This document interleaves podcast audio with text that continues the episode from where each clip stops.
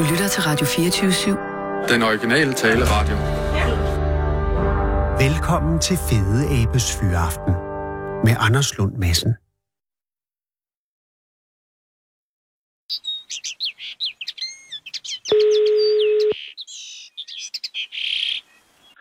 Det er René. Goddag, René. Det er Anders Lund Madsen fra Radio 24 i København. Jamen, goddag, Anders Lund Madsen. Tillykke! Jo, tak skal du have. Jamen, i himlens navn, øh, jeg, er, øh, jeg ved ikke, hvor jeg skal starte, og hvor jeg skal begynde. Der, det er øh, først og fremmest et dybt følt tillykke. Jo, tak skal du have. Det, er, det var i lørdags, er det, er det korrekt, René? Det var i lørdags, at jeg blev nordisk mester.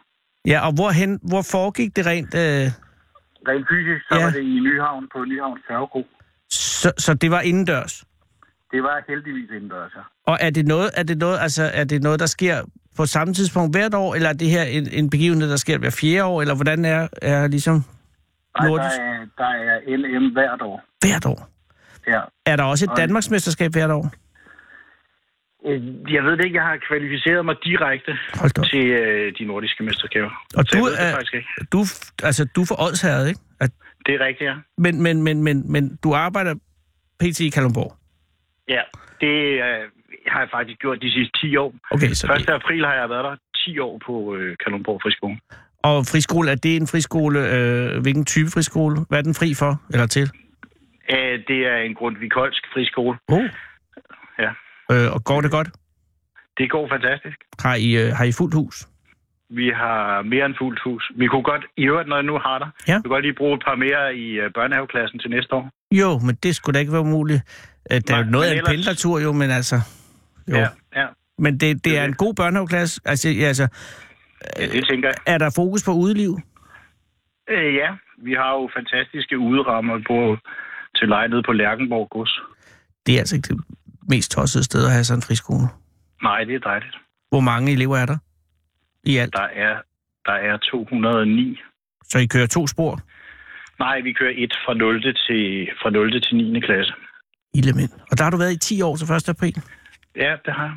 Men René, hvor er du fra øh, oprindeligt? Altså jeg tænker, jeg, jeg leder lidt efter at finde inspiration til, til, til din mesterskabssild.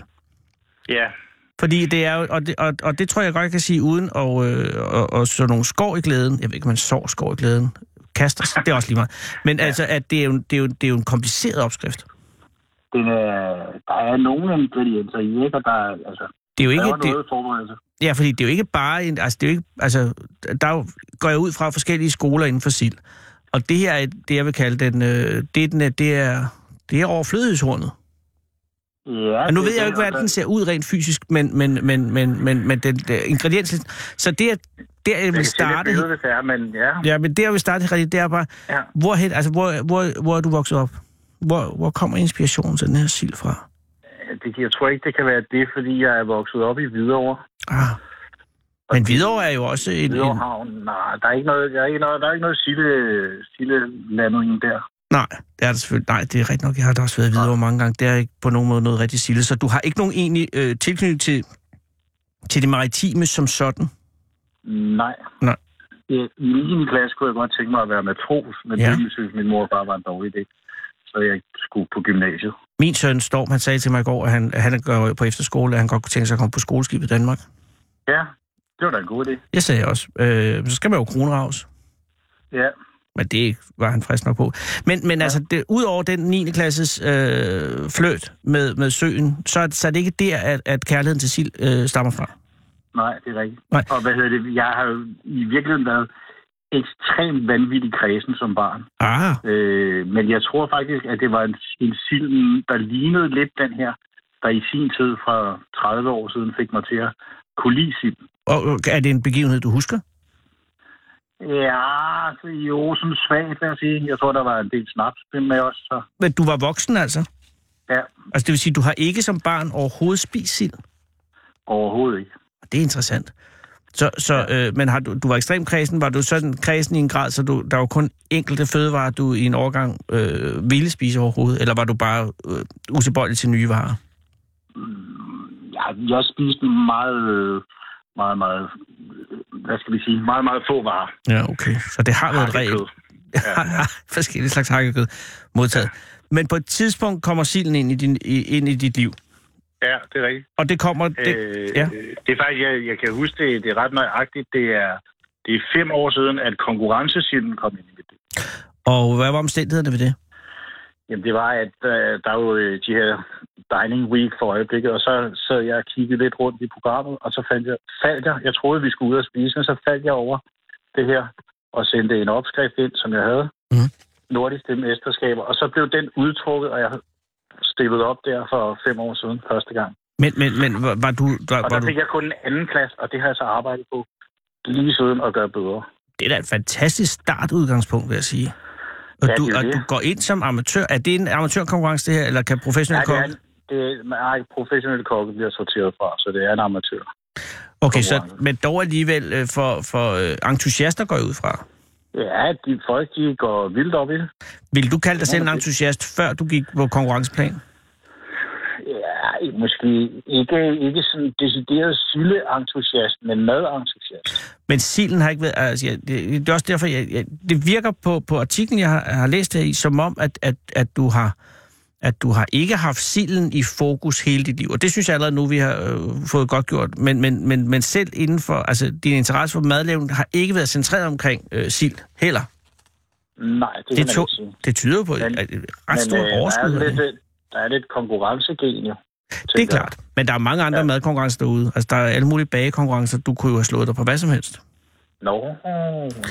Men det blev silden, og, og den sild, du fik andenplads med for fem år siden, hvad var det, eller Ja. fire år siden, hvad var det for en sild? Jamen, det var en, øh, det var en chili-sild. En hvad for en sild? En chili-sild. En chili-sild. Okay, så det er, Ja. altså, er, det, er det det, der hedder hvide sild med chili? Øh, ja, en gammeldags, hvid, mo, eller gammeldags modnet hvid sild, hvor Og- der var noget chili-lag og så videre, så videre ikke? Og hvilken sild øh, kører du med på det her tidspunkt? Øh, på det tidspunkt, der var det, øh, der var vi ude i Suri fra Holbæk. Uh, Det er en fantastisk fiskehandler. Kender du den? jeg har ikke smagt den, jeg har hørt om den. Øh, De er ikke i den søde ende, så vidt jeg kan forstå. Altså, Ja, det er ikke nej, den sødeste af de marinerede. Ikke, nej, men den er, der er jo go- godt med umami, når den er sådan gammeldags modnet. Øh, det kan jeg love for. Er det en sild, du, altså Holbæk-silden, er den, du har holdt fast i, eller har det været kvæg din øh, tilknytning til Odsherred, at du, at du startede der? Ja, det var det. Mm. Øh, I år, der, øh, i år, der gik jeg over i en lykkebærsild. Går vi alt for hurtigt? Vi går, nej, René, vi går alt for hurtigt frem. Vi er stadig ved for fire år siden. Nå, for fire år siden kører du chili-sild på basis af en Holbæk langtidslagret. Ja. Øh, hvad, kan du huske, hvad der vinder det år?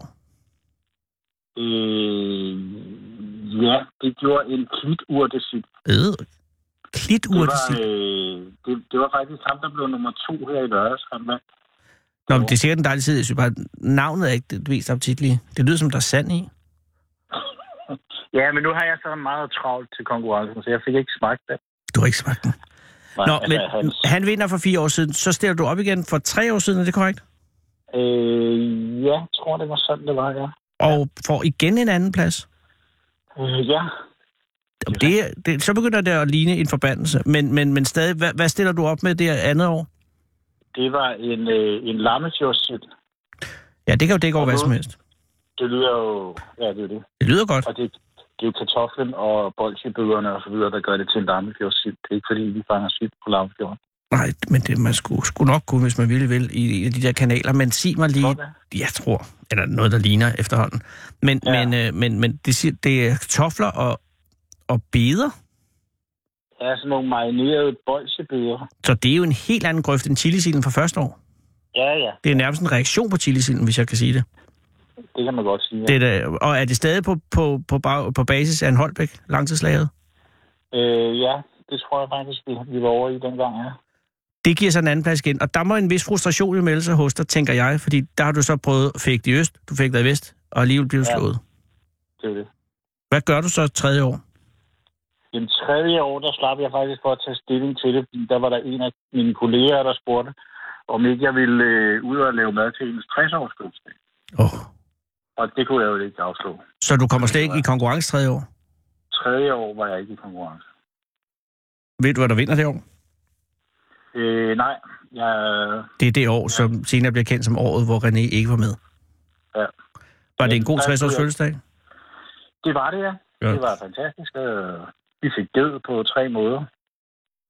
Ja, den film har jeg også set. Men, øh, men det er godt. Men, men René, så fjerde år. Er det så... Ja. Ja. Det er ikke i år, vel? Det er sidste år. Nej, det var sidste år. Det er sidste ja. år. Der er du med igen. Ja, Og der er en 61-års fødselsdag, som du ikke skal lave mad til. ja. Præcis. Og, og, og hvad går du ind med der? Ja, men der gik jeg... Der tror jeg ikke, jeg har trænet nok og Åh. var lidt for hurtig øh, med opskrift. Det var en mango sit, Ja, og øh, der var for mange bløde konsistenser. Det, det var, hvad publikum sagde. for mange Så bløde jeg- konsistenser. Der var jeg simpelthen øh, helt uden for placeringerne. Du røg ikke engang i en, en, en, en, øh, en egentlig medalje? Nej. Og det var, det var, det var der, krisen var, ikke? Skal man så? Nej, men det må have ikke bare været... træning, Det er jo ikke bare en krise, fordi du har to år, hvor du lige er vinde. Så er du året, hvor du er væk. Og så laver du Ja. mango-finten, kan man kalde det, som flopper. Yes. Hvad tænkte du på, mango? Altså, hvad var... Hvad var? Ja, hvad var... hvad var øh, det, det, det, er jo det, man bagefter kan se i bagklogskabens ulidelige klare lys, ikke? At Ja. det, det var sgu nok ikke nogen god idé. Ej. Men øh, er I stadig på Holbæk Sild? Øh, husker du det?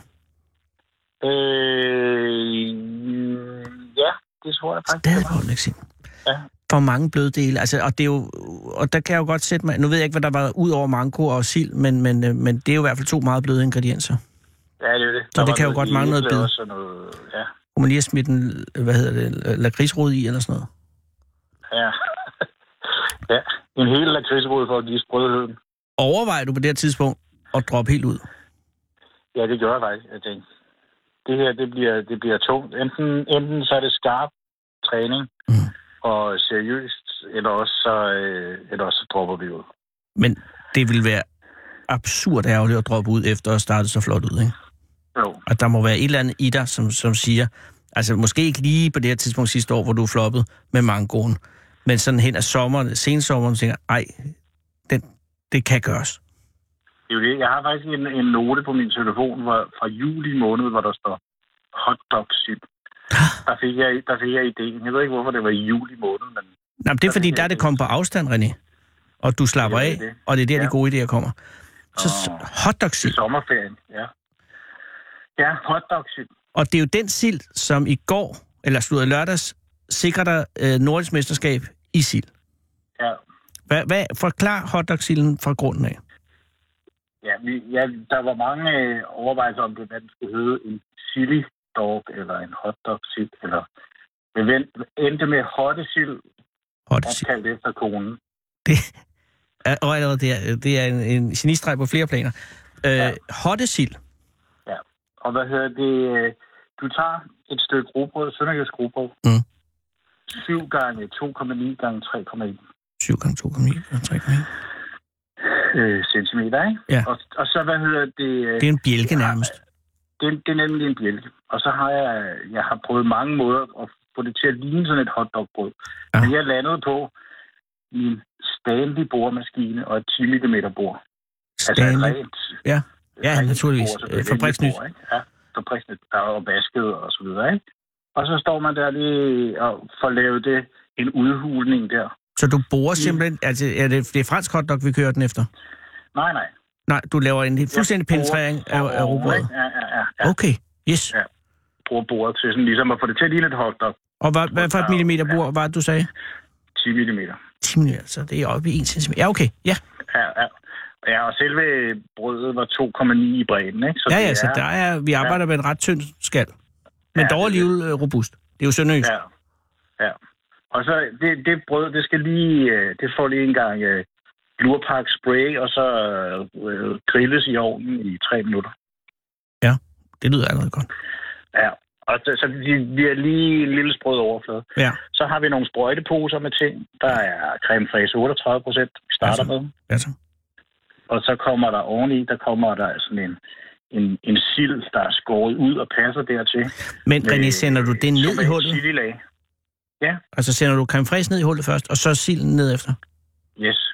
Men læg nu mærke til, det var ikke en fransk hotdog, så den er åben. Ja, jeg forstår, at den er åben. Ja, ja, ja. Men, det, men det er jo det, den, den har den her, man kan kalde skål, eller ja. rande, kanal i sig. Ja, ja, ja, netop. Men så du lægger en bund af creme fraiche 38, og så yes. sillemix ovenpå. Og silden, siger du så, at der er du gået i lykkebær?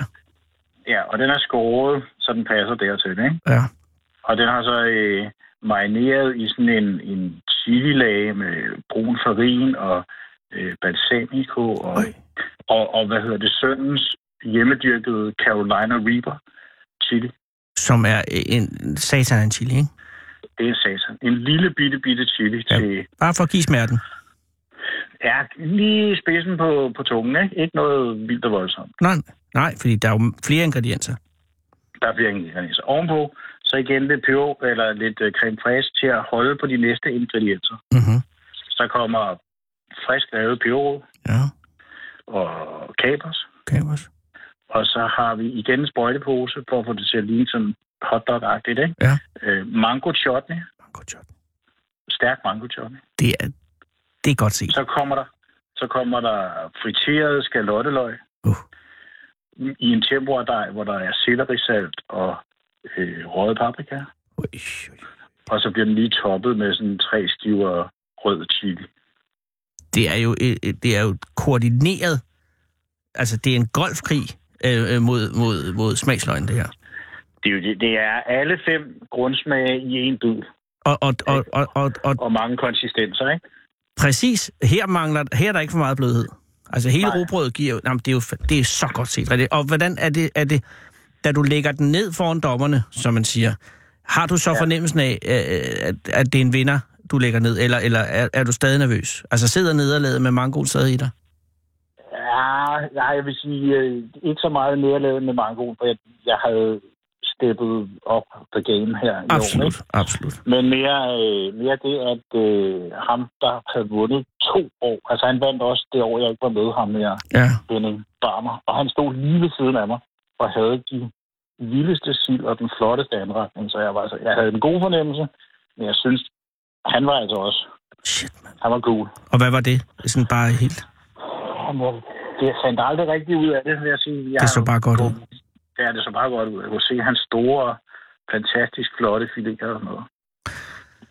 Men den gik Vi altså... Så serverer vi i sådan et, et stykke madpapir, så man får den der hotdog-fornemmelse også. Ikke? Jamen, det er jo også altså, det er jo en konceptualisering af sillemaden, som jeg ikke mindes have hørt om i hvert fald i 4, 5, 6 år. Altså. Ej, det, Det er rigtig godt set, men det er jo ikke nok at lave et koncept. den på vej hjem fra byen. Jamen, det, det, det vil man jo gerne have. Altså, det giver jo Ja. mindes om Amsterdam i 70'erne. Ja. Og det er virkelig, virkelig godt set. Og er, er, er der enighed, eller er det, er det, en, er det, en, øh, er det en hængt jury, som man siger?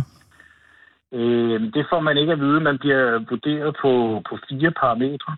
Okay. Og så sidder de bare, de her fire dommer, og giver point, og så tæller de sammen til sidst. Så det ved jeg ikke. Æder, Altså, sprang, men- spejl med godt gået, René. Efter fire øh, år øh, med nærved næsten og nederlag og 60 års fødselsdag, så står du med, med pokalen. Hvad føler der enormt mange penge med? Nej, det kan man ikke påstå. Får man noget sild med hjem eller et eller andet?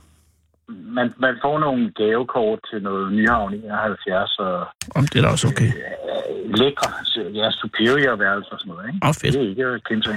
Tillykke. Og noget snaps. Og, ja, Men René, nu står du jo i den situation, du har vundet, og for nu kan det kun gå ned af, for jeg mener ikke, der eksisterer noget Europamesterskab i sild. Nej, jeg har også begyndt at tænke på, om ikke øh, snart der kommer en invitation til noget VM måske. Ja. Det er jo det, der er den næste, ikke? Det er det, ja. Eller også så er det at sige, det var det. Nu går jeg på noget andet. Ja. Har du afgjort det Det nu? det. Nej, jeg, det Nej, nu skal du skulle lige nyde det. går og balancerer til den, ikke? Og nyder sejren. Det er, fire, det er tre og en halv dag siden, du vandt. Øh, Ja. Det lyder som en vidunderlig sild. Jeg øh, ønsker dig alt muligt held og lykke. Til dig Jo, og til familien, og også friskolen i Kalundborg, Jo. som jo altså stadig har enkelte pladser i børnehaveklasse niveauet ja. efter sommerferien. Yes. Tak fordi jeg måtte ringe, og tillykke. Ja, velbekomme, og tak skal du have. Det var fornøjelse. Hej René. Ja, hej. Du lytter til Fede Abes Fyraften med Anders Lund Madsen. Velkommen til Fede Abes Fyraften, kære lytter. Jeg skal sige, det man kan høre lidt i baggrunden er en lille tornirsk, og den kan du høre her, kære lytter, fordi du kan ikke høre den så mange andre steder, fordi der er ikke så mange tornirsker tilbage i det åbne danske land. Og det kan jeg forstå på bæredygtigt landbrug er primært, at, fordi de er blevet spist af nogle sorte fugle, og så fordi der er ved at blive en meget stor forsumpning i Danmark. Så nu kan du høre den her. Velkommen. Det er i dag den 13. februar 2018. Vi sender program nummer 128 direkte fra Radio 24-studierne med udsigt over Danmarks mest befærdede vejkryds og over, undskyld, i Givskud Dyrepark har den nu 14 dage gamle gorillaunge om sider fået et navn.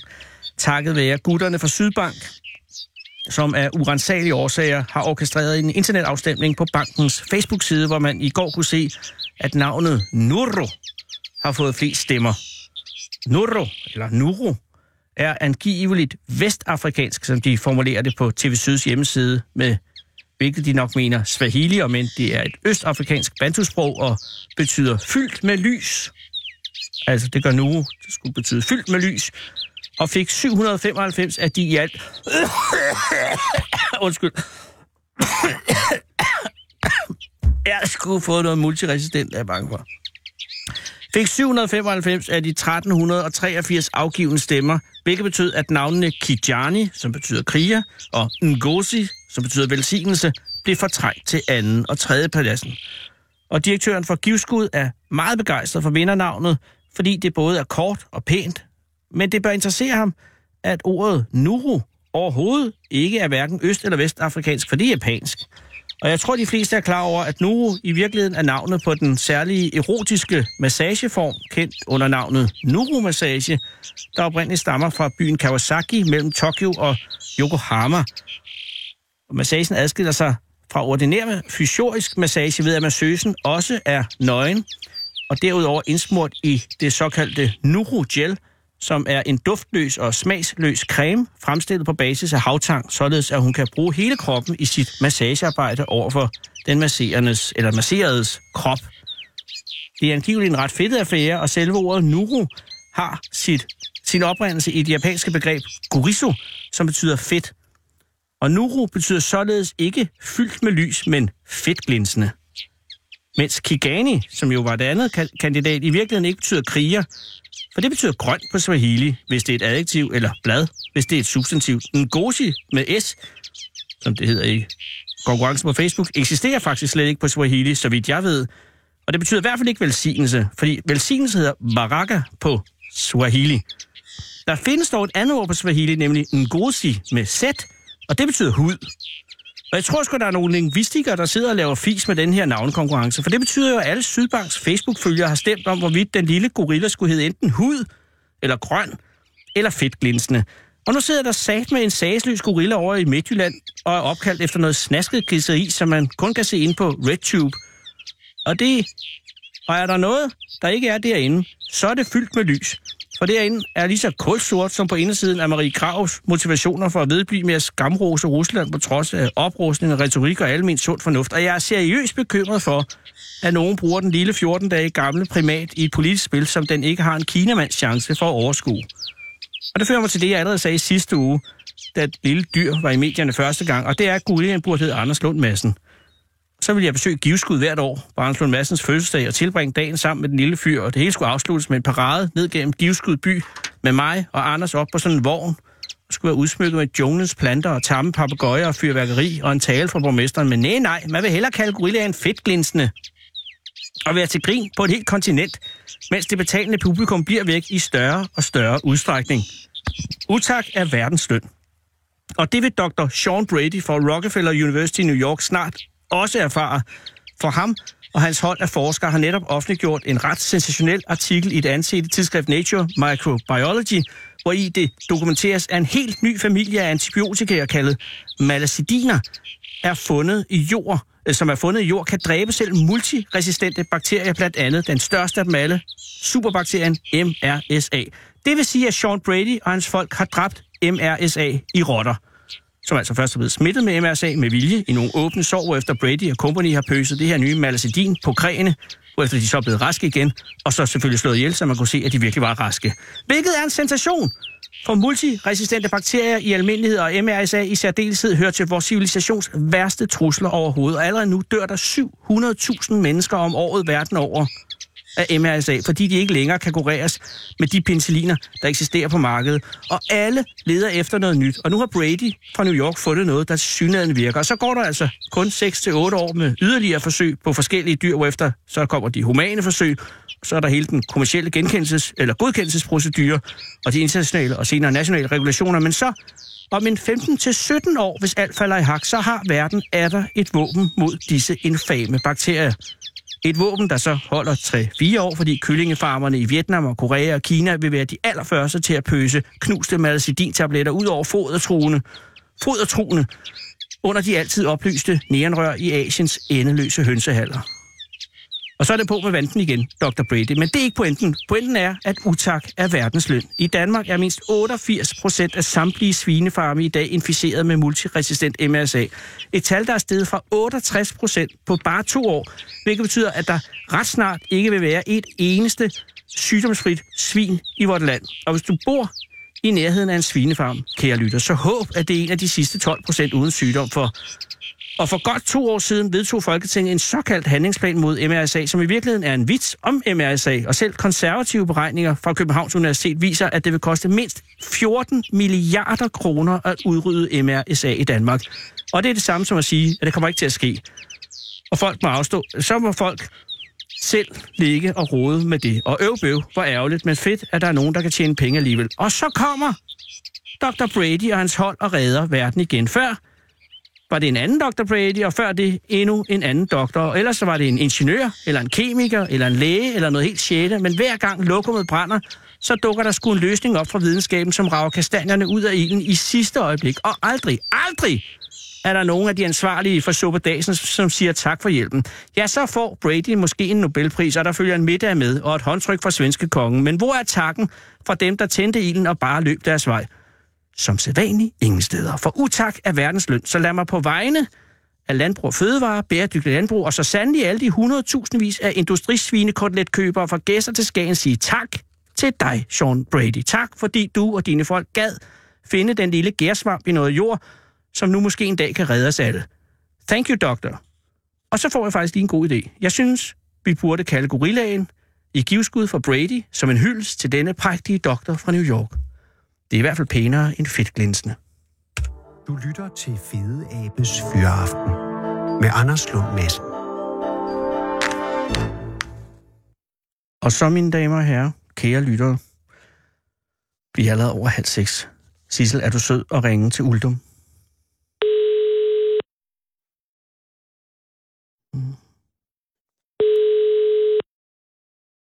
Lilian Nørgaard. Goddag, Lilian Nørgaard. Det er Anders Lund Madsen fra Radio 24 København. Dag. Tak fordi jeg må ringe, Lilian. Ja. Er du midt i noget? Jeg tænker, det, øh, det er jo ikke nu, du skal holde foredraget, vel? Det er først i næste uge. Jeg skal holde et foredrag i morgen. jeg, skal, jeg skal holde et foredrag næste uge. Og så, ja. Åh oh, nej, så der er allerede... Ja. Er det det første, du holder i morgen, eller er det, er det, det et i en lang række, du allerede har holdt? Det er et i en rigtig lang række. Okay, så du har gjort det her nogle gange? Ja.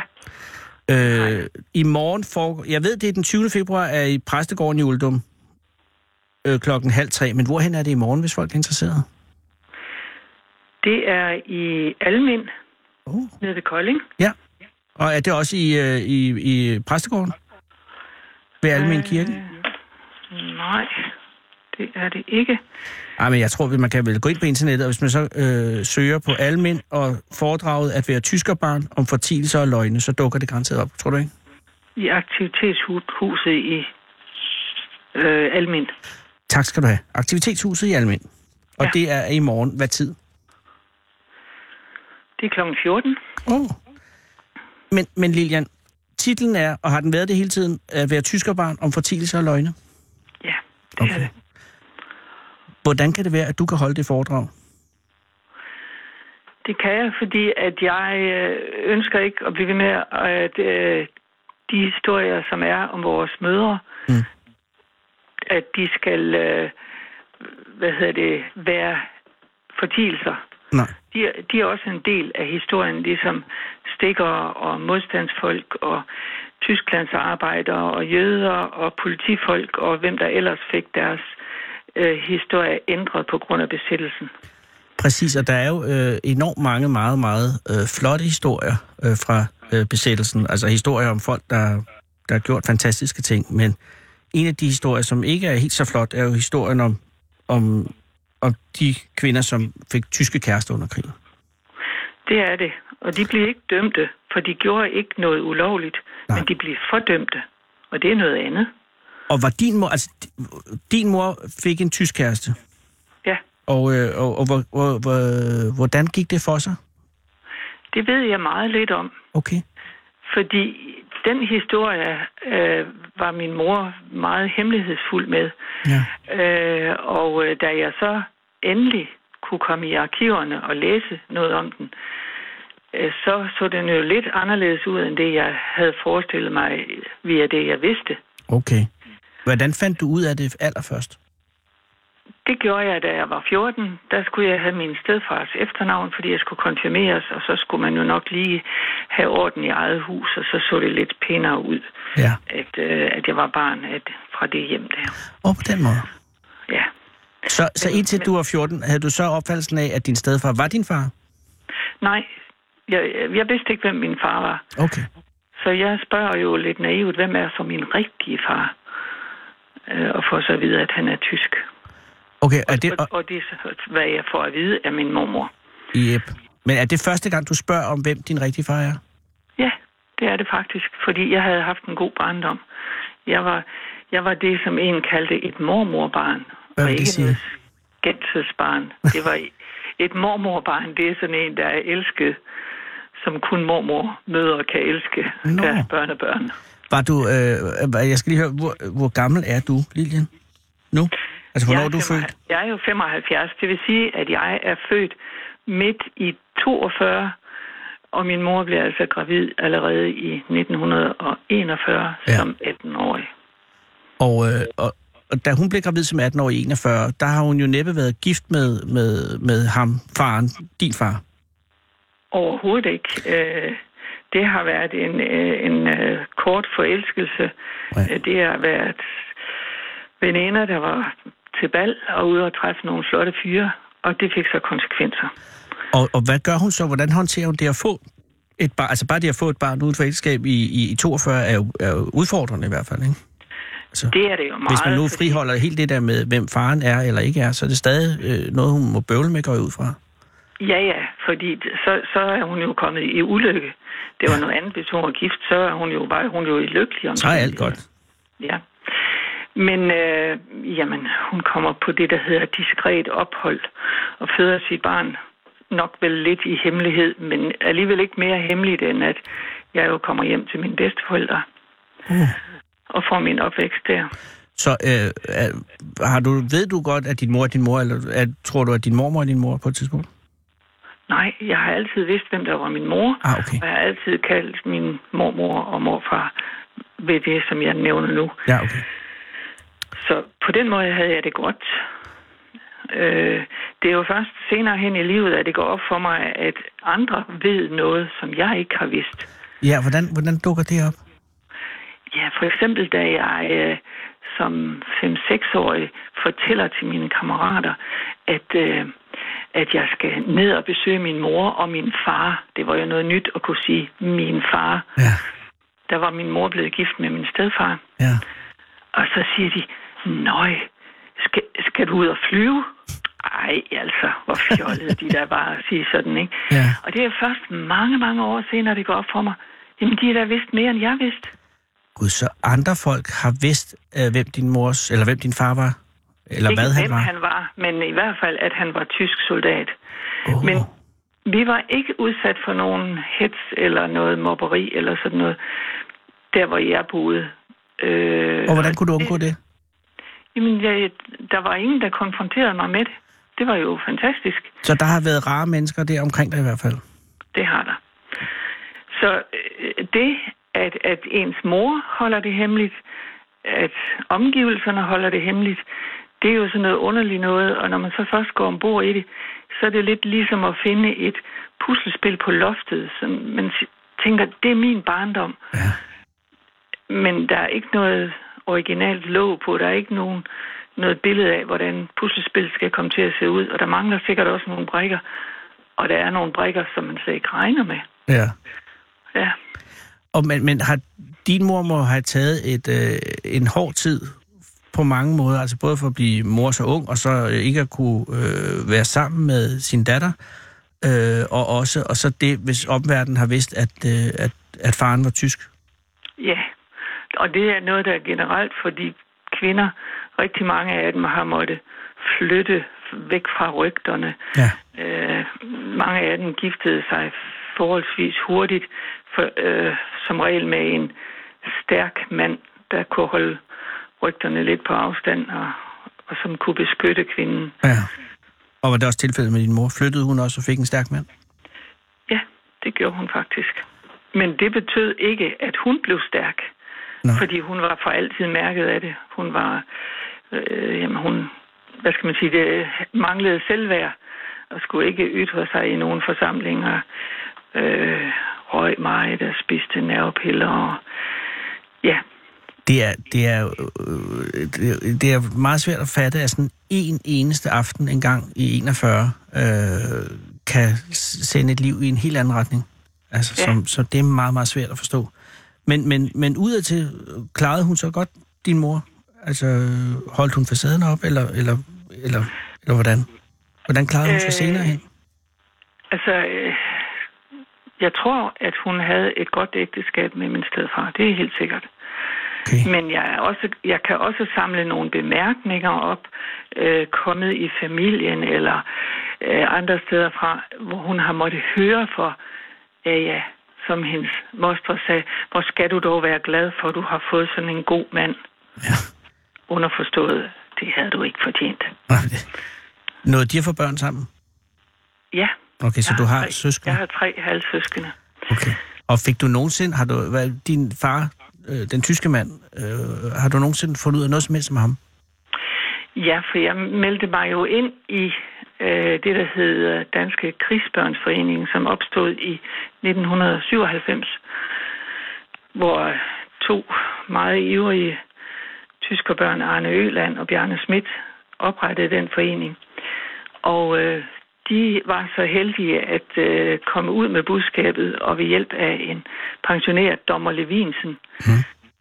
så kunne han kunne pege på, at ifølge den og den paragraf, Mm.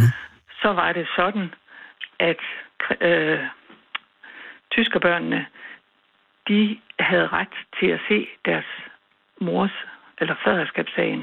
De Oh. var ikke en genstand, de var ikke sagens genstand, men de var part. Ja. Og det betød, at man kunne få lukket arkiverne op, selvom staten havde båndlagt dem i 80 år. Wow. Så øh, det gjorde jo så, at rigtig mange af os øh, Fandt ud af. til, hvordan det var, øh, landet lå. Og hvordan lå landet for dig, Lilian? Hvem er din far? Eller hvem var din far? Jeg ved det dårligt nok, fordi først meget, meget sent, øh, det jeg kunne se af arkiverne, det var en anden historie end den, min mor fortalte. Åh, oh, hvordan var den adskilt?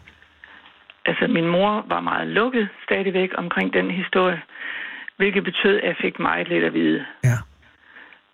Men da jeg så ser i arkiverne, så har der været en faderskabssag, hvor den såkaldte far øh, nægter at være faren.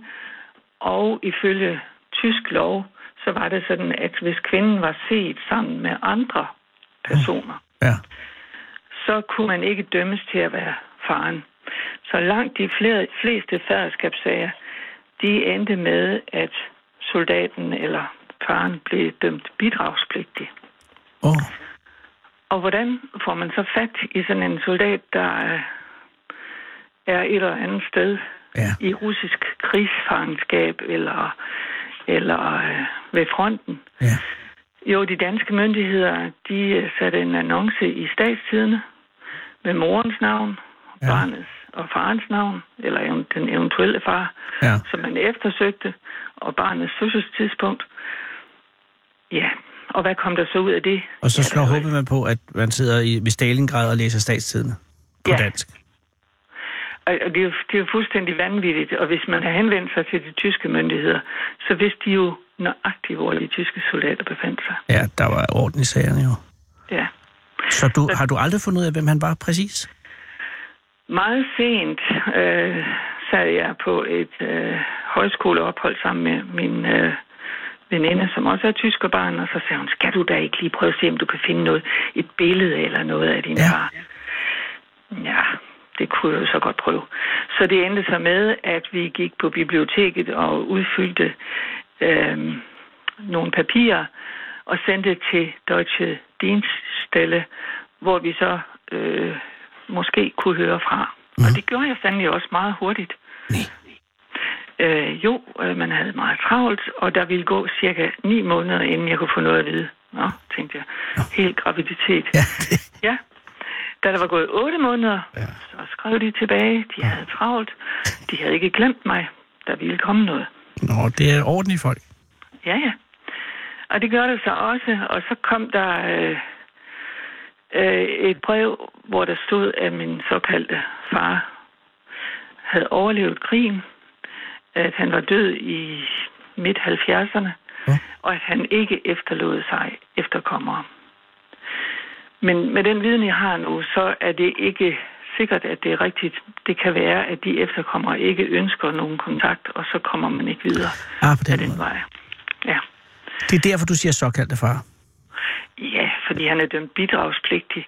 Han har slået sig i tøjet og, og siger, at jeg, jeg kan ikke være faren. Øh, Der har hun også set med andre. Og øh, Men det, han, ja, kan, han kan jo have haft kone og børn i Tyskland. Han var 10 år ældre end hende. Det Så det, var, det er jo ret sandsynligt. Det kan også være, der gik panik i ham. Ja da.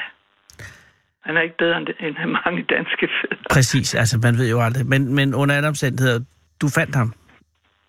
Jeg fandt frem til hans navn, og at han var, øh, som sagt, øh, var død i 70'erne.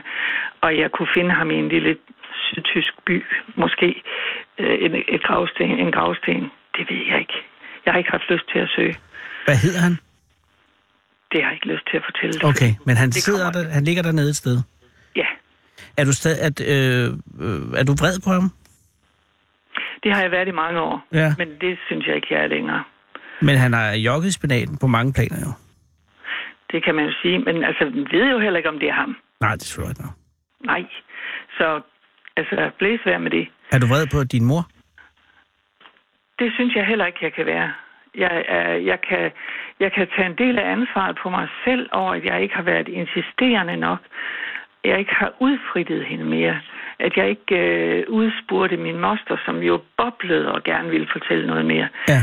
Øh, men jeg havde ikke mod til det. Så jeg, på den måde må jeg jo erkende, at jeg selv er blevet en del af fortielsen. Ja, det er jo det, der sker. Man, er jo også, man, man, er jo også, man kan jo mærke, hvis, øh, hvis, hvis der er noget, som ikke er en rar historie. Ja. Og så det har da taget en del år ligesom at, at, at, at erkende det. Mm. Og det betyder så også, at, øh, at mit foredrag sådan har fået flere og flere aspekter ind, eftersom årene er gået. Men det er jo interessant, og jeg synes rigtig godt, at du vælger at holde foredrag om det så. Ja, og det er vi jo så nogle stykker øh, fra Krigsbørnsforeningen, som gør. Ja, okay.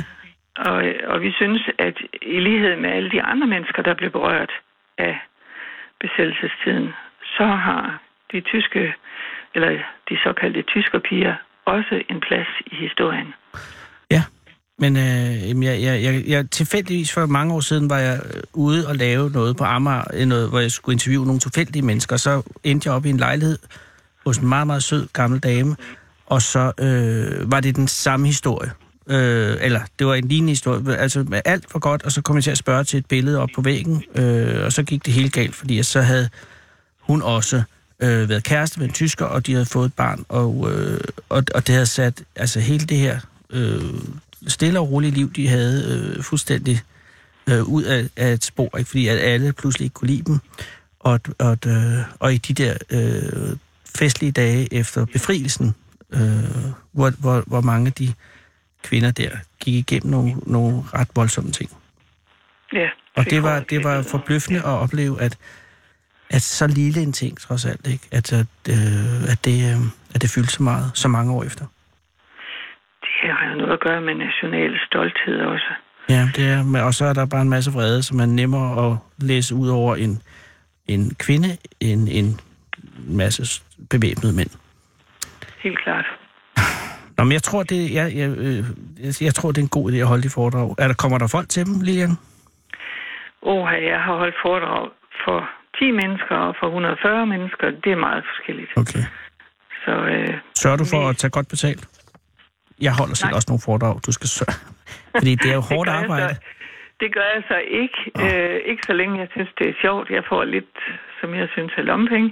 Mm. Øh, men så længe at folk er interesserede, så er det okay. Og jeg har ikke annonceret med det, men nu, nu har jeg jo gjort det. Ja, og det er mig, der er presset ud af dig. Men ved du, jeg, jeg, jeg synes, det er virkelig øh, godt, at du, at du gider at gøre det. Og jeg tror, det er en vigtig historie at fortælle. Og at, at folk skal, skal høre den, fordi at, øh, at, at man skal jo bestræbe sig på at opføre sig ordentligt. Og, og, øh, og du har ikke gjort noget som helst galt. Og det har de heller ikke. De var glade for hinanden en aften, og det har alle prøvet en gang imellem. Eller de fleste i hvert fald. Ja. Så svipsede har- det, og så var han øh, måske, måske ikke øh, en, en hængerøv omkring det. Det ved man ikke. Det finder man aldrig ud af. Men, Nej. men der ligger en mand i Sydtyskland, øh, uden nogen efterladt, men dog med en her fra Uldum. Er du fra Uldum? Nej, det er jeg ikke. Nej, det er jo kun fordi, at øh, artiklen i uavisen står under Uldum. Hvor er du fra? Ja. Det er Jeg er fra, jeg er fra Bræstrup. Præstrup, undskyld. Det er også en dejlig by. Silkeborg. Ja. Ja. Ej, men held og lykke i morgen. Altså, det er i morgen kl. 14, og det er i Almen. Øh, hvad hed huset? Øh, aktivitetscenter. Aktivitetscentret i Almen. Og så igen den 20. februar i Uldum Præstegård kl. 14.30. Ja, og så vil jeg så sige en ting mere. Ja. En journalist, Lotte Prins, tager Ja. ud med nogle af os Oh. på gymnasier. Universiteter, biblioteker, højskoler, og har, kalder det krigsbørnskaravanen. Oh. Og der kan vi høre på Åby Bibliotek den 27. i anden. Åby Bibliotek 27. i anden. Ja, Hvad tid er det? det, jeg tror, det er klokken 19. Det er om aftenen i hvert fald. Ellers kan man gå ind på Åby Biblioteks hjemmeside. Ja, Tak skal du have for det, Lilian. Og god tur i morgen tak for til det. Almen. Kør forsigtigt. Det vil jeg gøre. Hej. Hej. Du lytter til Fede Abes Fyraften med Anders Lund Madsen. Vi er voldsomt presset for tid, fordi at mm, mm, klokken er 8 i. Men Sara, det er dejlige mennesker ved på gaden, og der sidder to mennesker her. Hello? Hello. Oh, God, I didn't know you were not speaking Danish. I'm so sorry. You must have been sitting here thinking, what is happening? Uh, we were listening, Oh, but yeah. not understanding a word. No, but thank you so much for coming. Uh, where are you from? What is your name? I'm sorry. okay, my name is Charlotte. And how, My name is Vasil. Basil? Vasil. Basil, okay. And uh, you are French? Yes. Yes, we're from southern France. Just arriving in Copenhagen half an hour ago. Oh, and now you've just been whooshed into a radio studio. Yes, by a This is what young we do. This is what we do. and thank you for coming. Why are you here in uh, Copenhagen today? Uh, we're traveling. We're going to visit a friend in Norway, in Oslo. Oh. And we stopped by because we wanted to see and visit the Viking country. Ah, and uh, have uh, Basim, have you seen any? You've been here for half an hour. Mm, yes. Yeah. Well, how old are you? Um, I uh, 13, 3, 13 years old. 13 years old. This is a good education for you, Vasim. Your English is very good, and you. it will be much better soon. Well, we are we have seven minutes left. We can make. No, I'm sorry, but you are from France, and I will. Uh, I, but my French is very poor. Yes. but you are here uh, uh, to see. Have you? Uh, are you going to stay here for many days? Uh, we're going to stay here up to next afternoon. Uh, tomorrow? Yes. we You cannot see any Vikings. We're, no, sorry. No, it's no no Viking. problem. We don't have any anymore. No Drakars anymore? No, not really. Longboats? Mm, yeah, well, there's some in Roskilde, but it's not really. But you're on your way to Oslo, Yes. and, and then after that, uh, back to France. we're going to stay five days in Oslo and then we'll drive back to France. And are you, is it the two of you? Uh, are there more? Uh, we are party? a whole family. We're a family of five, five people, Wow. two adults and three young children. And is it vacation in France right now? Yes, we have a two weeks break. Oh man, we have one week's break. No, and it's uh, two weeks. Uh, it's good. But then you're going back to have some of the holiday back in France. Uh, we'll, we'll have only three days left in France because it took us three days to come up here. Ah, you're driving, of course. Yes, and it's a 2,000 kilometers long way. Ah, man. And you chose to go north in this weather? You could have just- yes, to have a different experience and to see what Europe looks like. And uh, Basim, how does Europe look? Mm, I am being cruel. I'm sorry. it's uh, very uh, good. Is it? So it's uh, very long. Yeah, it's extremely long. Yes. The worst you can do is going all the way up uh, in Sweden or in Norway because it's tremendously long. You think it's oh, it's only a country, but it just keeps on On going. est allé jusqu'au bout de la Suède, ça aurait été Oui, encore pire. it's Mm. deux- 2000 yes. kilomètres. Yes, yes. C'est euh, complètement fou. He wanted to see the polar lights, but Uh-huh. we said it was No, too no, no. far. No, no, no. No. I went to Iceland uh, for New Year to see polar lights. No polar lights. Mm. It's uh, I've been to Iceland 25 times. No polar lights. Mm. I don't know why they avoid me, but it should be very nice. But you're going to Oslo to visit this friend. Is this your friend or your husband's friend or somebody Uh, else or it's everybody? my friend, my friend uh, who is a Californian biologist Oh. working at the University of Oslo. Uh, usually he works in the Antarctic, Mm. so quite far away, and we can't visit him. But as he is depending from Oslo University, we're going to meet him there. Oh, that's very cool. Are you also in biology? Not at all. I'm in tourism. I'm right. I'm working for a steam train. A steam train? Yes, I'm the headmaster of a steam train. Is is this true, Basim? C'est vrai C'est vrai? Uh, Yes. What? Yes. You have been told to say this. uh, where is this? Uh, where is uh, the steam train? Is that a like a uh, an old classic steam train Yes, going? Uh, totally. All steam engines are from 1902 and 1932, the youngest one. Mhm. And uh, we drive on tracks uh, nearby a river in the mountains. So it's a very nice landscape with gorges. And, And how uh, long is the trek? uh, the trip lasts about um, two hours. Whoa, it's quite a trip. Yes. And this is uh, strictly for tourists. It has no practical purpose. Oh, only for tourists Ah. because if you want to take the car, the um, wait lasts only 30 minutes by now. But before the train, it took eight hours. So the train was a big revolution in Yeah. transport in France. And now it's kept as a uh, as a uh, what do you call it? As an attraction. yes, it's like a um, living museum. And are you the chief? Uh, are you the principal? Are you the master of this? Yes. And is it your idea? No, it's not my idea because it costs a lot of money to run a train. yeah. But is it cost efficient? Do are there enough people coming? yes, we received last year 100,000 people. Wow, that is a lot. I thought train travel was dying in Europe, Uh, a little bit. and I thought the interest among young people was gone. No, not at all. Is that true? Yes, because my husband work. My husband works in tourism as well, Okay. and uh, he's working running um, miniature park Yes. with small steam engines. Oh, that's how you met. and uh, my boys' first word when they were babies was train for one, and the steam for the other one. So Oh, that's. it's always magical. Basim, was you were, were you steam or train? Train. Ah, he was train. Are you the older brother? Yes. Uh, and how old are your younger brother?